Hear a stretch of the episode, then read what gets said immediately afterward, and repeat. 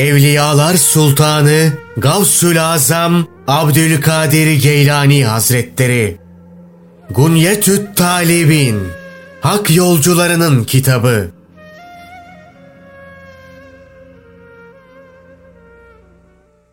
İtikat Ehli sünnetin inanç esasları. Kaderle ilgili bazı meseleler. Halk ve kesp ayrımı. Bizim inancımıza göre kulların yaptıkları işleri Allah Celle Celaluhu yaratır. Onlarsa kazanırlar.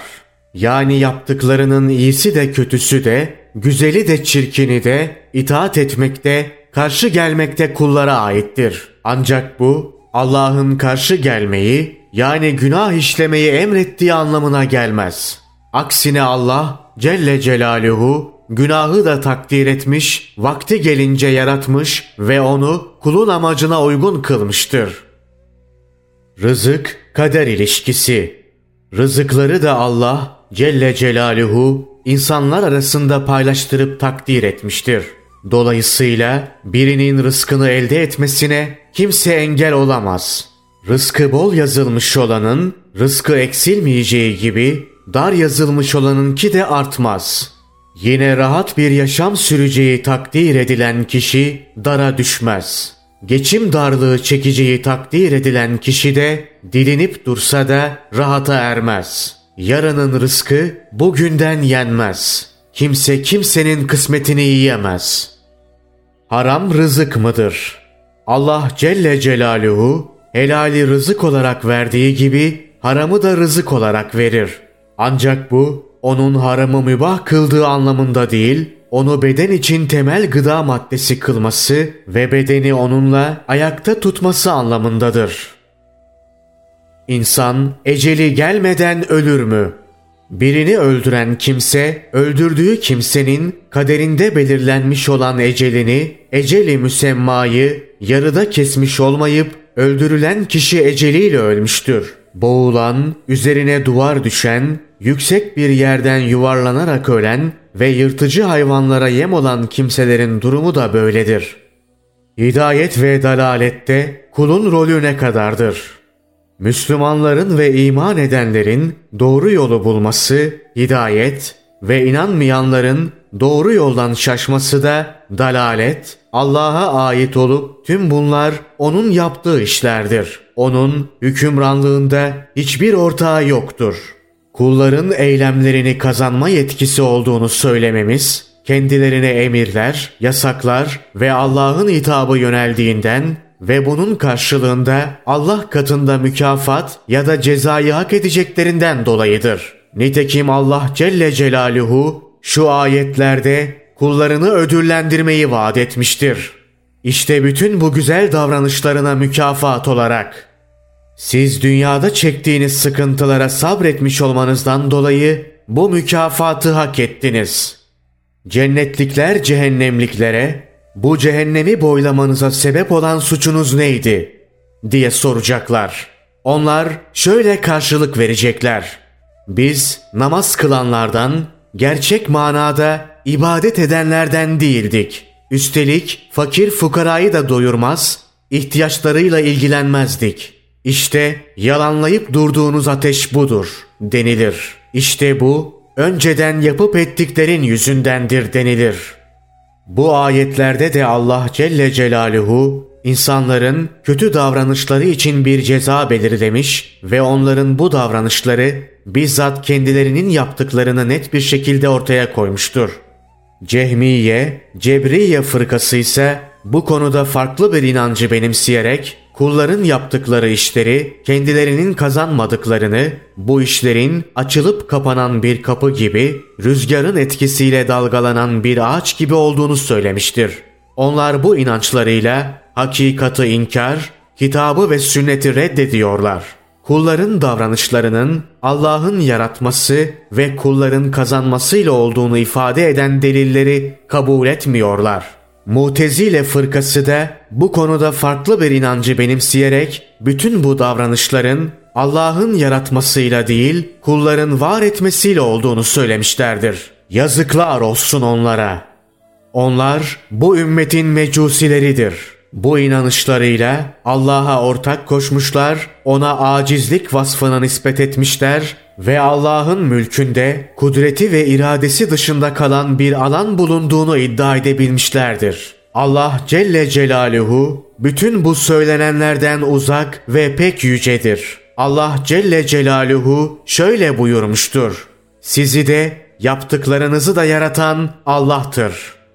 Yaptıklarına bir karşılık olarak yaptıklarının bir karşılığı olduğuna göre yaptıkları yaratılmış demektir. Ayetteki yaptıklarınız ifadesinden onların yapmış olduğu taşlar ve putların kastedildiği söylenemez. Çünkü taşlar birer cisimdir. Kullarsa cismi yapmazlar. Karşılığı olduğundan bahsedilen şey ancak kulların sergiledikleri davranışlardır. Dolayısıyla ayetteki yaratmanın hareket etmek ve durmak gibi eylemlere yönelik olması gerekir. Yine Allah Celle Celaluhu şöyle buyurmuştur. Eğer Rabbin dileseydi bütün insanları aynı inanç etrafında birleşmiş bir toplum yapardı. Fakat böyle yapmayı dilemedi. Bu yüzden insanlar bundan önce olduğu gibi bundan sonra da çeşitli inançları benimseyecektir. Ancak Rabbinin iman ortak paydasında birleştirme lütfunda bulunduğu kimselerin durumu farklıdır. Esasen Allah insanları da bunun için yarattı. Ey peygamber! O müşriklere sor. Yoksa onlar yaratma işinde Allah'ın bir takım ortakları olduğunu keşfettiler de bu ortakların sözde yaratma fiilleri Allah'ın yaratmasına çok benzediği için akılları mı karıştı? Onlara de ki her şeyin yaratıcısı Allah'tır. Gökten yağmur yağdırıp topraktan bitkiler yeşertmek suretiyle sizi rızıklandıran Allah'tan başka bir yaratıcı var mı? İşleri yolunda gittiğinde bu iyilik Allah'tandır derler. Ama başlarına kıtlık, kuraklık gibi bir sıkıntı gelip işleri kötüleşince ''Ey Muhammed bu hep senin uğursuzluğun yüzünden'' diye ileri geri konuşurlar. Onlara de ki başınıza gelen her şey Allah'tandır. Bunlar neden hiç söz dinlemez, laf anlamazlar? Hazreti Huzeyfe'nin Allah ondan razı olsun naklettiği bir hadiste Hazreti Peygamber sallallahu aleyhi ve sellem şöyle buyurmuştur. Meslek sahibi her kişiyi de mesleğini de Allah yaratmıştır. Kasabı ve keseceği hayvanı yaratan O'dur. Abdullah bin Abbas Allah ondan razı olsun Hazreti Peygamber sallallahu aleyhi ve sellemin şöyle buyurduğunu nakletmiştir. Allah buyuruyor ki iyiliği de kötülüğü de yaratan benim. Eliyle iyilik yarattığım kimseye ne mutlu. Eliyle kötülük yarattığım kimseye de ne yazık. Allah ondan razı olsun. Hazreti Ali'ye kulların davranışlarıyla Allah'ın rızasını veya öfkesini nasıl hak ettikleri ve bunun Allah'tan mı yoksa kullardan mı kaynaklandığı sorulunca bu Allah'ın yaratması ve kulların kazanmasıyla olur cevabını verdi. Amel iman ilişkisi Bizim inancımıza göre iman eden büyük ve küçük birçok günah işlemiş olsa bile bu günahları sebebiyle kafir olmaz. Tövbe etmeden ölse bile bu böyledir. Yeter ki yalnız Allah'a kulluk etmiş ve samimi, ihlastan ödün vermemiş olsun. Onun hakkında karar verme yetkisi Allah Celle Celaluhu'ya ait olup dilerse affederek cennetine koyar, dilerse de cehenneme sokarak azap eder. Allah Celle Celaluhu onun sonunun ne olacağını bize bildirmediği sürece Allah'la kulu arasına girilmez. Yine inancımız odur ki iman sahibi olan kişi büyük günah işlemesi yüzünden cehenneme girse dahi sonsuza kadar cehennemde bırakılmaz. Allah Celle Celaluhu er geç onu oradan çıkartacaktır. Çünkü onun açısından cehennem dünyadaki zindan cezası gibidir. Dolayısıyla orada suçunun ve günahının büyüklüğüne denk bir süre kalır. Sonra Allah'ın rahmetiyle oradan çıkartılır. Sonsuza kadar orada bırakılmaz. Cehennem ateşi onun yüzünü de secde ettiği organlarını da yakmaz. Çünkü bu ateşi haram kılınmıştır. Cehennemde kaldığı süre içinde oradan çıkıp cennete girinceye kadar asla Allah'tan ümidini kesmez. Cennete girdiğinde ise dünyada ettiği ibadet ve iyiliklerine göre ona dereceler verilir. Kaderiye fırkası ise farklı bir inancı benimseyerek büyük günahın bütün ibadetleri yok ettiğini, dolayısıyla onun büyük günahı işlemeden önceki amellerinden sevap alamayacağını söylemişlerdir. Haricilerin inancı da böyledir. Onlara yazıklar olsun. Kader inancı Kaderin hayrına ve şerrine, kazanın tatlısına ve acısına inanmak gerekir. Kişinin başına gelecek olan şey kendini korumaya çalışmasıyla onu ıskalamaz. Nasibinde bulunmayan şeyler ise elde etmeye çalışmasıyla eline geçmez. Geçmiş zamanlarda vuku bulmuş ve diriliş vaktine kadar vuku bulacak her şey Allah'ın kazası ve belirlediği kaderi doğrultusunda gerçekleşir. Hiçbir varlık levh-i mahfuzda yazılı olan kaderinden kaçıp kurtulamaz. İnsanlar birine Allah'ın yazmamış olduğu bir iyilik yapmak isteseler başaramazlar. Allah'ın yazmadığı bir zarar vermek isteseler bu da ellerinden gelmez.